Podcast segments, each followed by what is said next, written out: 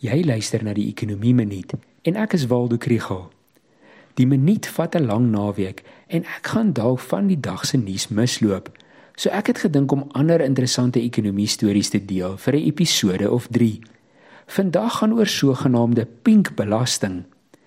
Die pink belasting is die beweerde geneigtheid vir produkte wat deur vroue gebruik word om duurder te wees as soortgelyke produkte wat deur mans gebruik word.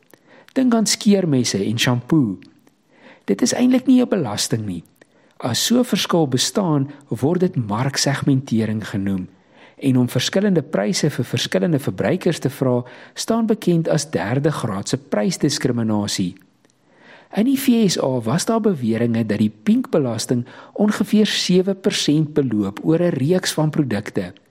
Maar 'n nuwe studie het onlangs fyn ondersoek gaan instel deur te kyk na die insette en bestanddele van produkte om so werklik soortgelyke produkte te, te vergelyk, is daar bevind dat baie keer is dit die mans wat 'n bietjie meer betaal. Dames, daar is ongelukkig nie veel te spaar deur man shampoo te koop as jy steeds dieselfde kwaliteit koop as wat jy nou doen nie.